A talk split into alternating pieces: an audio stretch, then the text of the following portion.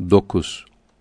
Teslis Üç Tanrı inancı ve batıllığı. Protestanlar Kur'an-ı Kerim ile bugünkü İncil'leri mukayese için beş bahs seçmişlerdir. Birinci bahste Kur'an-ı Kerim'de üç uknumun yani baba, oğul, ruhül kuds'ten meydana gelen üç tanrı inancının bulunmamasını Kur'an-ı Kerim'in noksanlığına nispet etmişlerdir. Teslis Trinite inancının daha önceki ilahi kitaplarda rumuz, işaret ile bildirilmiş olduğunu iddia ederler. Kendilerinin neşrettiği bazı kitaplarda bu büyük meselenin Tevrat'ta müphem, şüpheli olduğunu itiraf ettikten sonra ispat için yalnız Yuhanna İncil'inden ve Amali Rusul Resullerin işleri ve havarilerin mektuplarından başka bir delil ortaya koymaya da muktedir olamazlar. Delil olarak ileri sürdükleri kitap ve risalelerin asıl ve esasları sağlam olmadığından asla kıymetleri yoktur. Testis meselesini izah için önce İşa-i Rabbani üzerinde bazı incelemelerin beyan edilmesi lazımdır. Yukarıda biraz bahsettiğimiz gibi bu İşa-i Rabbani Hristiyanların din esaslarından yani akide, inanç esaslarındandır. Çünkü Hristiyanların akidelerine göre İsa aleyhisselam her biri hakiki ilah olan üç ilahtan biri olduğundan Hristiyanlar onun etini yiyip kanını içerek güya onunla birleşirlermiş. İşlemiş oldukları günahlar bu şekilde haşa Allah'ın oğlunu kurban ederek affolunurmuş. Yani mayalı veya mayasız bir parça ekmek ile bir miktar şaraba papaz okuduğu zaman ekmek aynıyla İsa aleyhisselam'ın eti şarapta kanı olurmuş.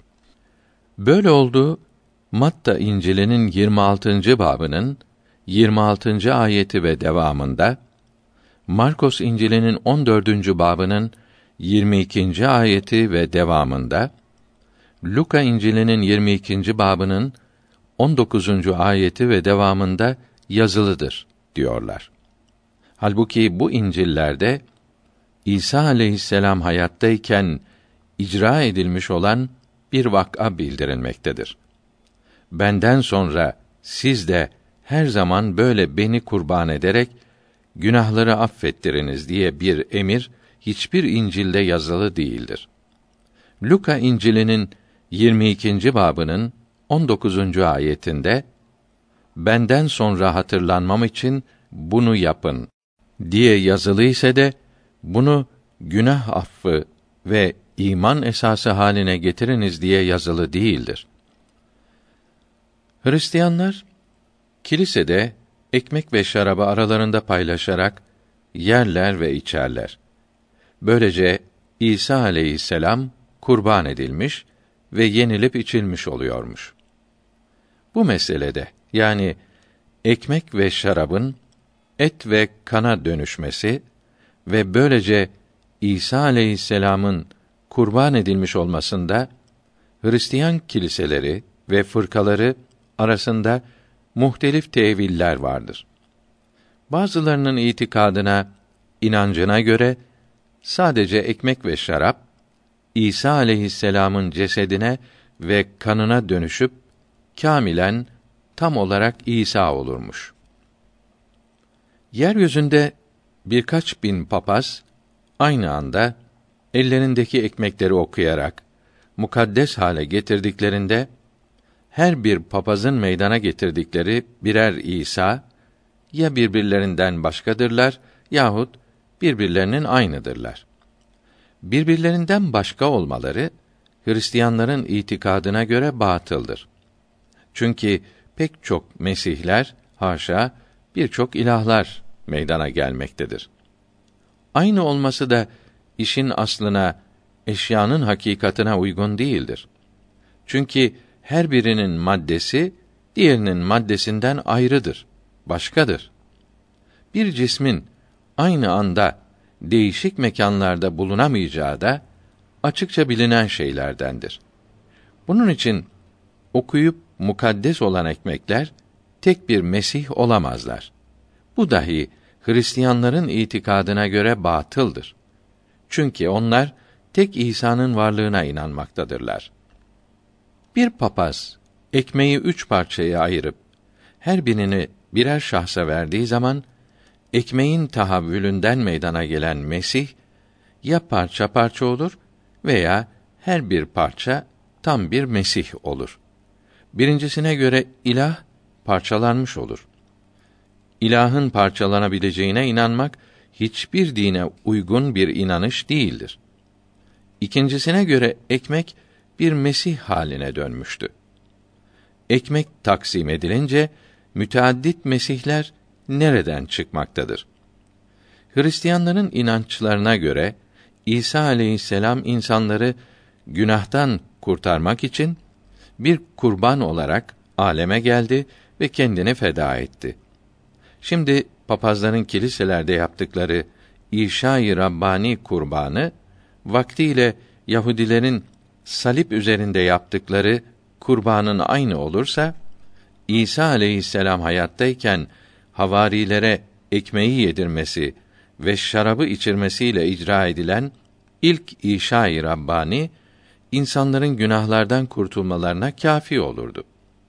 Hristiyanlara göre İsa aleyhisselamın sonradan Yahudiler tarafından ağaçtan salip üzerinde haça gerilmek suretiyle kurban edilmesine ve dünyanın her yerinde papazların kurban ayinleri yapmalarına lüzum kalmazdı. İnsanların günahlarının affolunması için Hazreti İsa'nın kendini bir defa kurban ettiği, bunun bir defa zuhur ettiği İbranilere mektubun 9. babının sonunda yazılıdır. Peşaver Üniversitesi öğretim üyelerinden Ülfet Aziz Es-Samet 1399 miladi 1976 senesinde üçüncü baskısı Pakistan'da yapılan A Comparative Study of Christianity and Islam yani İslamiyet ile Hristiyanlığın mukayesesi isimli kitabının Hristiyan akidelerinin kaynağı kısmında diyor ki İsa aleyhisselam'ın tebliğ ettiği Nasranilik ile göğe yükseltilmesinden sonra tesis edilen ve çeşitli kiliselerin inandığı Hristiyanlık birbirinden çok farklıdır. İsa aleyhisselam Allahü Teala'nın emirlerini ümmetine tebliğ eden ve onlara vaaz ve nasihat eden ve insan olan bir peygamber idi. Ümmetinden tövbe etmelerini ve eski, bozuk, kötü adet ve alışkanlıklarından vazgeçmelerini istemişti. İsa aleyhisselam yeni bir dinin kurucusu değildi. Musa aleyhisselamın şeriatinin yenileyicisiydi. İsevi dini vaaz ve nasihat idi. Bu dinde vaftiz ve İşa-i Rabbani gibi ayinler yok idi. O günahlara kefaret olarak ve çarmıha gerilerek kurban edilmeye gelmemişti. İsa aleyhisselam'ın göğe yükseltilmesinden hemen sonra kendisine iman eden ve yakın arkadaşları olan havariler kendilerine Resuller ismini verdiler. Havariler hiç şüphesiz İsa aleyhisselam'ın yolunda olan tek Allah'a inanan ve İsa aleyhisselam'ı onun elçisi kabul eden kimselerdi. Havariler her işte İsa aleyhisselam'ın kendilerine emrettiği gibi Musa aleyhisselam'ın şeriatına göre amel ettiler. Filistin ve civarında büyük Yahudi cemaatleri oturmaktaydı. Fakat Kudüs'te oturan Yahudiler dünya Yahudilerine göre çok azdı. İskenderiye, Aleksandriya şehri büyük bir kültür merkeziydi. Burada birçok dini ve felsefi görüşler öğretilmekteydi. Yahudilerin parçalanmaları ve bozulmaları Yunan felsefesi ve mevcut putperest cemaatlerin tesiriyle olmuştu. bu putperest cemaatlerin her biri kurtarıcı tanrılar edinmişlerdi. İsa aleyhisselam peygamberlik vazifesini yapmaya başladığı zaman Yahudilerden bazıları onu beklenilen Mesih kabul ettiler. İsa aleyhisselamın üç sene gibi kısa bir zaman süren tebliğinden sonra kendisine inanan Yahudiler çoğaldı. Ancak onun sözlerini ve kendisini Yunan felsefesi ve putperest cemaatlerin fikirleri ışığında tefsire tabi tuttular. Böylece İsa aleyhisselamın hakiki dini değiştirilmeye başlandı. İsa aleyhisselamın yolunu öğretmek yerine onun şahsını yüceltme teşebbüsleri bu değişikliğin ilk işaretleriydi. Hristiyan din adamlarının ileri gelenlerinden Dr. Morton Scott Enslin bu hususta Christian Beginnings kitabının ikinci kısım 172. sayfasında diyor ki: İsa'nın aleyhisselam şahsiyetiyle uğraşma, kim olduğunu araştırma ve her şeyi onun şahsiyetiyle ilgi kurarak açıklama gayretleri kendisi için uydurulan ve kendisinin hiçbir zaman söylemediği şeyleri ve kendisinin tebliğ ettiği Allahü Teala'nın kullarından istediği şeyleri ve tövbeye çağırdığı hususunu unutturdu. Böylece ümmetine tebliğ ettiği ahkamın öğrenilmesi ve itaat edilmesi yerine şahsiyetinin açıklanıp anlaşılması lazım olan bir kimse haline geldi. Bu temayül İsa aleyhisselam'ın logos mukaddes kelam kelimesiyle izah edilmesine ve neticede tanrılaştırılmasına sebep oldu. Çünkü İskenderiyeli Yahudi felsefeci Filo bu hususta felsefi görüşler ileri sürmüştü. Kitabımızın teslisin batıllığının İsa aleyhisselam'ın sözleriyle ispatı kısmında Filo'dan bahsedeceğiz. Bu zamandaki kilise babalarının İsa aleyhisselam hakkındaki yazıları uygunsuzluklar, saçmalıklar ile doludur. Kilise babalarının bu yazılarında İsa aleyhisselam'ın ehemmiyetle üzerinde durduğu tek Allah inancı ile kendisine izafe edilen Allah'lık iddiasını uzlaştırma gayreti içinde oldukları görülür.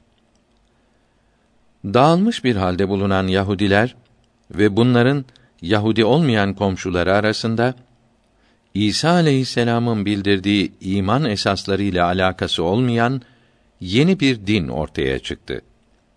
Bu mevzuda Dr. Morton Scott Enslin aynı kitabının ikinci kısım 187. sayfasında diyor ki: İsevilik Yahudilerin yaşadıkları yer olan Filistin'den putperest milletlerin memleketlerine yayıldı. Bu yayılma birçok değişmelere sebep oldu. İseviler Musa aleyhisselam'ın şeriatinden uzaklaştılar. İsa aleyhisselam'ın tebliğ ettiği din bilgilerini putperestlerin kabul edebilecekleri hale getirdiler. Böylece tutarsız, akıl ve mantığın kabul edemeyeceği bir din meydana geldi. Roma İmparatorluğunda birkaç çeşit putperest cemaat vardı. Bu cemaatler itikat, inanç itibariyle birbirinden çok farklıydı. Fakat şu dört husus hepsinde müşterek idi. 1. Hepsi kurtarıcı bir tanrıya inanıyor ve onun ölümünü insanların günahları için kefaret ve ona inananlar için kurtuluş kabul ediyorlardı. 2. Hepsinde o dine girmek için bir giriş ayini vardı. Bu ayinle o dine kabul edilen kimsenin kötülüklerden temizlenmiş olduğuna inanılıyordu. 3. Hepsinde Tanrı ile manevi olarak birleşmek, bütünleşmek inancı vardı. Bu bütünleşme sembolik olarak o din mensupları tarafından Tanrı'nın etini yemek ve kanını içmek şeklinde icra edilirdi. 4. Hepsinde cennet inancı olup onu isterlerdi. Orada rahat edeceklerinden emin idiler. Ansiklopedia Americana'da sacrifice kurban kelimesinde diyor ki eski Yunan'da gök tanrısı Olympus adına Tusiai ve Spiagia denilen kurban ayinleri yapılırdı. Tusiai her zaman gündüz olur ve tercihen sabahleyin yapılırdı. Kurban edilen hayvanların belli kısımları biftek olarak bomos denilen taş üzerinde yakılırdı. Hayvanın geri kalan kısımları yüksek bir taşın etrafında toplanmış olan kimseler tarafından yenilirdi. Ayin, müzik ve dans ile sona ererdi. Spagia denilen kurban ayini ise gece yapılırdı. Bu ayinde etin yakılması için kullanılan taşa eskara denilirdi. Yunanca olan bu ayin isimleri Latince'de sadece sakrifis kelimesiyle ifade edildi. Kurbanların yakıldığı taş olan bomos ve etrafında toplanılarak kurbanın yenildiği taş olan eskara kelimeleri için altars kelimesi kullanılırdı. Hristiyanlık dininde icra edilen İşa-i Rabbani veya Ehvaristiya kurban ayininde ekmek ve şarabın konulduğu ve etrafında cemaatin toplandığı taşa da altar denilir. Bu ayinde de müzik bulunur. Mukaddes olan ekmek kırılınca kurban icra edilmiş, ekmek şaraba batırılıp yenilince de Tanrı ile manevi olarak birleşilmiş olunurmuş. Yunanlılardaki Tusiyai ve Spagiai ayinleri ile Hristiyanlıktaki İşa-i Rabbani ayini arasında benzerlik açıkça görülmektedir. Bu mevzuya aşağıda devam edeceğiz. İsa aleyhisselam'ın kurtarıcı tanrı olarak kabulü çarmıha gerildi denilmesi, kurban olarak telakki edilmesi, yukarıda zikrettiğimiz Yunan putperest cemaatlerinin Hristiyanlığa etkilerinin bir sonucu olduğu muhakkaktır.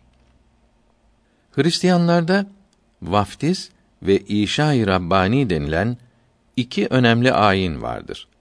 Vaftiz Hristiyanlığa kabul ayinidir. Kişi bununla doğuştan gelen günahtan temizlenmiş kabul edilir. İkinci ayin olan İşa-i Rabbani Eukarist veya Mas Komünyon veya Holy Communion denir ki kutsi paylaşma demektir. Doktor Morton Scott Enslin bu ayinle Hristiyanlığın Romalılar zamanındaki putperest fırkalardan birisi haline geldiğini itiraf ederek aynı kitabının ikinci kısmının 190. sayfasında diyor ki: Miladın ikinci asrına doğru Hristiyanlık bozuk dinlerden birisi haline gelmişti. Lord Raglan The Origins of Religions Dinlerin Aslı isimli kitabında Roma İmparatorluğu zamanındaki dini cemaatlerin ayinlerini beyan etmekte ve bu ayinleri şimdiki Hristiyan ayinlerinin aslı olarak görmektedir.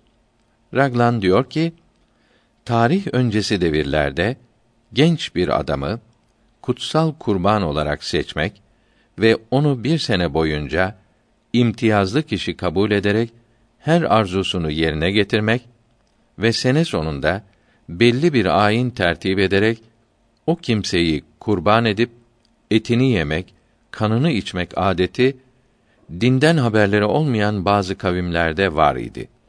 Kurban edilen kimsenin etinden ve kanından tarlalara da serpilir, böylece toprağın bereketli olacağına inanılırdı. Kurbanlık seçilen kimsenin kendi kavminin dini lideriyle anlaşarak yerine başka birisinin kurban edilmesi de olurdu. Başka bir kimse kurban edildikten sonra asıl kurban edilmesi lazım olan kişi tekrar bir sene boyunca yine imtiyazlı ve kutsal oluyor ve her arzusu yerine getiriliyordu. Senenin sonunda yerine yine başka bir kimse kurban ediliyordu. Böylece devamlı olarak kutsal sayılan ve her arzusu yerine getirilen imtiyazlı kişiler zuhur etti. Bu ilk devamlı kutsal kişiler kavimleri tarafından kral veya yaşayan tanrı olarak telakki edilir oldular. Bu kutsal kişilerin insanlıklarının yani bedenlerinin ayrı bir şahsiyet, ilahlıklarının ayrı bir şahsiyet olduğu kabul edilirdi.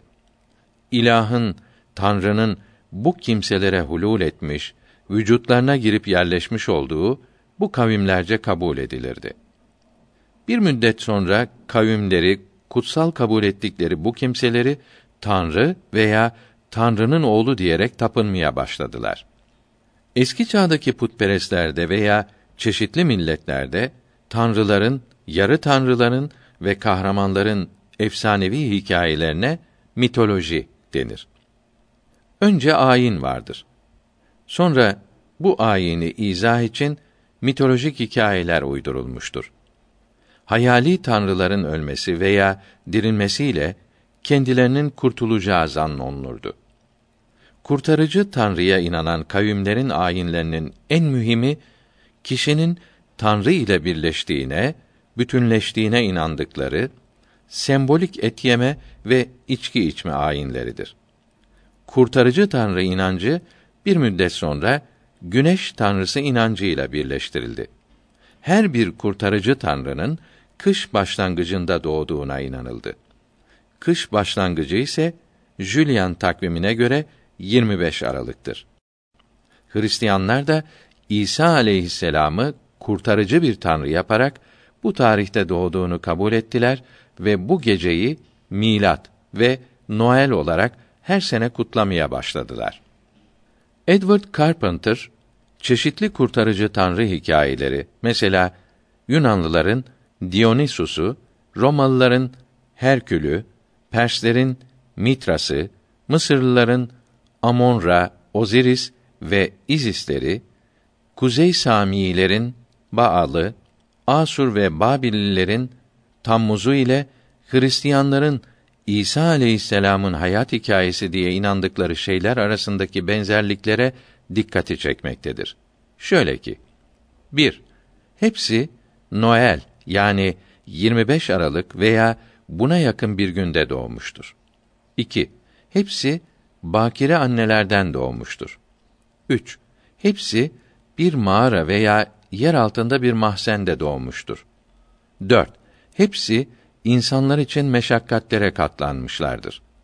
5. Hepsi nurlandırıcı, iyileştirici, kurtarıcı ve şefaat edici gibi isimler almışlardır. 6. Hepsi karanlık güçler tarafından mağlup edilmişlerdir. 7. Hepsi cehenneme yahut arz küresinin diğer tarafına inmişlerdir. 8. Hepsi yeniden dirilmiş ve insanların cennete girmelerine öncülük etmişlerdir. 9. Hepsi insanlar ile irtibat kuran azizler seçmişler ve vaftiz ayini ile cemaat kabul eden dinler tesis etmişlerdir. 10. Hepsi kurban yemekleri yenilerek anılmışlardır. Lord Raglan'ın sözü burada tamam oldu. New York Üniversitesi'nde tarih profesörü olan Vealance Ferguson diyor ki, Hristiyanların yortuları, putperest yortuları ile aynı tarihlere rastlar. Mesela Noel tarihi İran ve Roma'da güneş tanrısı Mitras'ın doğum tarihiydi. Ayrıca bu tarih çok eskiden beri putperest dünyasında önemli bir yortu günüydi. Mitoloji kahramanları üzerinde çalışmalarını The Hero Kahramanlar isimli kitabında toplayan Lord Raglan hikayelerde gördüğü hadiseleri 22 madde halinde sıralamış ve hangi mitoloji kahramanının hayat hikayesinde bunlardan kaç tanesinin geçtiğini tespit etmiştir.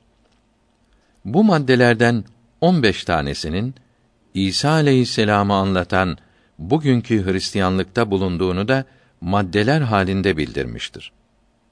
Bunlar da Hristiyanlığın kaynağının putperestlik olduğunu bize göstermektedir. Daha sonra teslisin batıllığının İsa aleyhisselam'ın sözleriyle ispatı bahsinde bunlara bazı misaller vereceğiz. Meşhur felsefeci ve tarihçi Winwood Reade diyor ki, Hristiyan alemi putperest alemine hakim olunca putperest alemi de Hristiyanlığı bozdu. Oziris ve Apollo masalları İsa aleyhisselama atfedildi. Yahudilerin inandıkları ve İsa aleyhisselamın tebliğ ettiği tevhidin yani tek Allah'a iman yerini Brahmanizm'de de bulunan ve Mısırlıların ihdas ettikleri ve Eflatun tarafından felsefeye sokulan teslis, trinity yani üç tanrı inancı aldı. Bana iyi demeyin. İyi bir tanedir. O da Allah'tır diyen bir zatın kendisi bizzat Allah yerine konuldu veya birin üçte biri denildi. Pakistan'daki Peşaver Üniversitesi müderrisinin kitabından tercüme tamam oldu.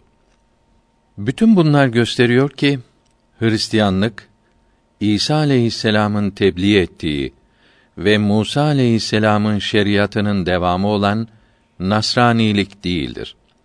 İsa aleyhisselam'ın ismi arkasına sığınmış, putperestliğin karıştırıldığı, akıl ve mantığın kabul edemeyeceği bir dindir. Hristiyanlıktaki vaftiz ve İşa-i Rabbani gibi ayinlerin İsevilikte bulunmayıp sonradan putperestlikten alınarak İseviliğe karıştırıldığını ve İsa aleyhisselam bir insan ve peygamber iken sonradan tanrılaştırıldığını pek çok Hristiyan din adamı, profesörler, ilm ve fen adamları açıkça yazmaktadırlar.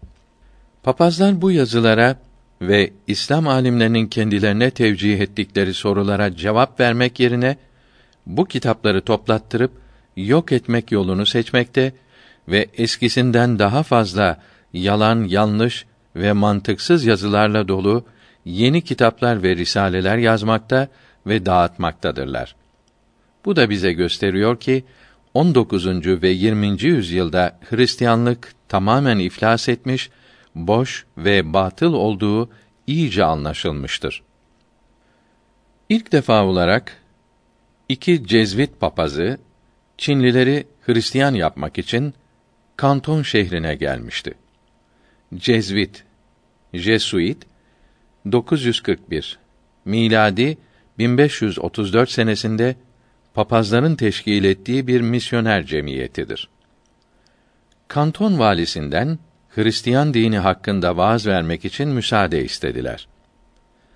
Vali bunlara ehemmiyet vermediyse de Cezvitler onu her gün gelip rahatsız ettiklerinden nihayet ben bu mesele için Çin fakfurundan, sultanından izin almaya mecburum.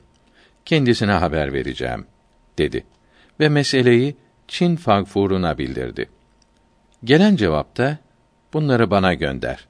Ne istediklerini anlayayım. Denilmekte olduğundan, Cezvitleri Çin'in merkezi olan Pekin'e yolladı.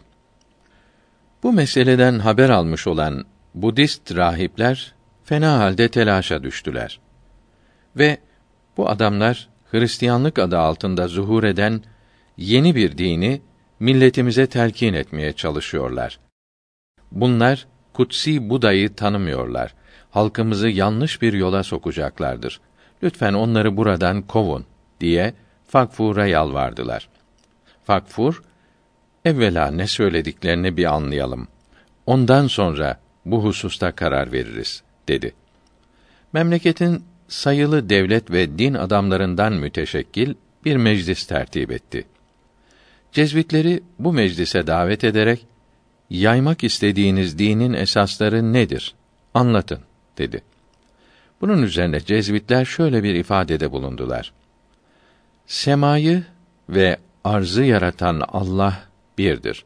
Fakat aynı zamanda üçtür. Allah'ın biricik oğlu ve Ruhul Küds de birer Allah'tır. İş bu Allah Adem ve Havva'yı yaratıp cennete koydu. Onlara her türlü nimeti verdi. Yalnız bir ağaçtan yememelerini emretti. Her nasılsa şeytan Havva'yı aldattı. Havva da Adem'in yanıltarak Allah'ın emrine karşı geldiler ve o ağacın meyvesinden yediler. Bunun üzerine Cenab-ı Hak onları cennetten çıkardı ve dünyaya gönderdi. Burada onların çocukları ve torunları zuhur etti. Fakat bütün bunlar büyük babalarının işlediği günah ile kirlenmişlerdir. Hepsi günahkardır. Bu hal tam altı bin sene devam etti. Nihayet Cenab-ı Hak insanlara acıdı ve onların günahını affettirmek için kendi öz oğlunu onlara göndermekten ve bu biricik oğlunu günah kefareti için kurban etmekten başka çare bulamadı. İşte bizim inandığımız peygamber Allah'ın oğlu olan İsa'dır. Arabistan'ın garbında Filistin denilen bir nahiye, bölge ve orada Kudüs denilen bir şehir vardır. Kudüs'te Celile denilen bir yer, Celile'nin de Nasıra isminde bir köyü vardır. İşte bu köyde bundan bin sene önce Meryem isminde bir kız bulunuyordu. Bu kız amcasının oğlu olan Yusuf-ü Neccar ile nişanlanmış ise de henüz bakireydi. Bir gün tenhada bir yerde bulunurken Ruhül Kuds gelip ona Allah'ın oğlunu ilka etti, koydu. Yani kız bakireyken hamile oldu. Bundan sonra nişanlısı ile Kudüs'e giderlerken Beyt-i bir ahır içinde çocuğu oldu. Allah'ın oğlunu ahırdaki yemlik içine koydular. Şarkta bulunan rahipler onun doğduğunu gökte birdenbire yeniden peyda olan bir yıldızdan öğrenerek hediyelerle onu aramaya çıktılar ve nihayet bu ahırda buldular. Ona secde ettiler. İsa denilen Allah'ın oğlu 33 yaşına kadar Allah'ın melekûtu üzerine vaaz etti. Ben Allah'ın oğluyum. Bana inanın. Sizi kurtarmaya geldim dedi ve ölüleri diriltmek, amaları tekrar basir, gören yapmak, topalları yürütmek, cüzzamlıları tedavi etmek, denizde fırtınaları durdurmak, iki balıkla on bin kişiyi doyurmak, suyu şarap yapmak, kışın meyve vermediği için bir incir ağacını bir işaret ile kurutmak gibi daha birçok mucizeler gösterdiyse de çok az insan ona iman etti, inandı. Nihayet hain Yahudiler onu Romalılara şikayet ettiler ve onun haça gerilmesine sebep oldular. Lakin İsa haçta öldükten üç gün sonra tekrar dirilerek kendisine inananlara göründü. Bundan sonra semaya çıkıp babasının sağ tarafına oturdu. Babası da dünyanın bütün işlerini ona terk etti ve kendisi geri çekildi. İşte bizim vaaz edeceğimiz dinin esası budur. Buna inananlar öteki dünyada cennete, inanmayanlar ise cehenneme gideceklerdir dediler. Bu sözleri dinleyen Çin fakfuru papazlara ben sizden bazı şeyleri sual edeceğim. Bunlara cevap verin dedi. Ve şöyle sormaya başladı. İlk sualim şudur. Siz Allah hem bir hem de üçtür diyorsunuz. Bu iki iki daha beş eder gibi manasız bir laftır. Bu işin aslını bana izah edin. Papazlar cevap veremedi. Bu Allah'ın bir sırrıdır. İnsanların aklı buna ermez dediler. Fakfur, ikinci sualim şudur. Yeri, göğü ve bütün alemi yaratan çok kudretli Allah, kullarından birinin işlediği günah için, onun bu işten haberi bile olmayan bütün sülalesini nasıl günahkar sayar? Bunların affı için nasıl olur da kendi öz oğlunu kurban etmekten başka çare bulamaz. Bu onun büyüklüğüne yakışır mı? Buna ne dersiniz? dedi. Papazlar yine cevap veremedi. Bu da Allah'ın bir sırrıdır dediler. Fakfur üçüncü sualimde şudur. İsa bir incir ağacından mevsimsiz meyve istemiş. Ağaç vermeyince onu kurutmuş Mevsimi olmadan meyve vermek bir ağacın yapamayacağı bir şeydir. Böyle olduğu halde İsa'nın buna kızıp ağacı kurutması bir zulm değil midir? Bir peygamber zalim olur mu? dedi. Papazlar buna da cevap veremedi. Bu işler manevi işlerdir. Allah'ın sırlarıdır. İnsanların akılları buna ermez dediler. Bunun üzerine Çin fakfuru ben size izin ve müsaade veriyorum. Gidiniz. Çin'in istediğiniz yerinde vaaz veriniz diye onlara müsaade etti. Onlar Fakfur'un huzurundan çıktıktan sonra mecliste bulunanlara dönüp ben Çin'de böyle saçmalıklara inanacak bir ahmak bulunacağını zannetmiyorum. Onun için bu adamların bu hurafeleri vaz etmelerinde hiçbir mahsur görmedim. Ben eminim ki bunları dinleyen vatandaşlarımız dünyada ne ahmak kavimler bulunduğunu görerek kendi dinlerinin kıymetini daha iyi anlayacaklardır dedi. Papazların suallerin hepsine cevap veremediklerini hatırlatmak için bu kitabımıza cevap veremedi ismini koyduk.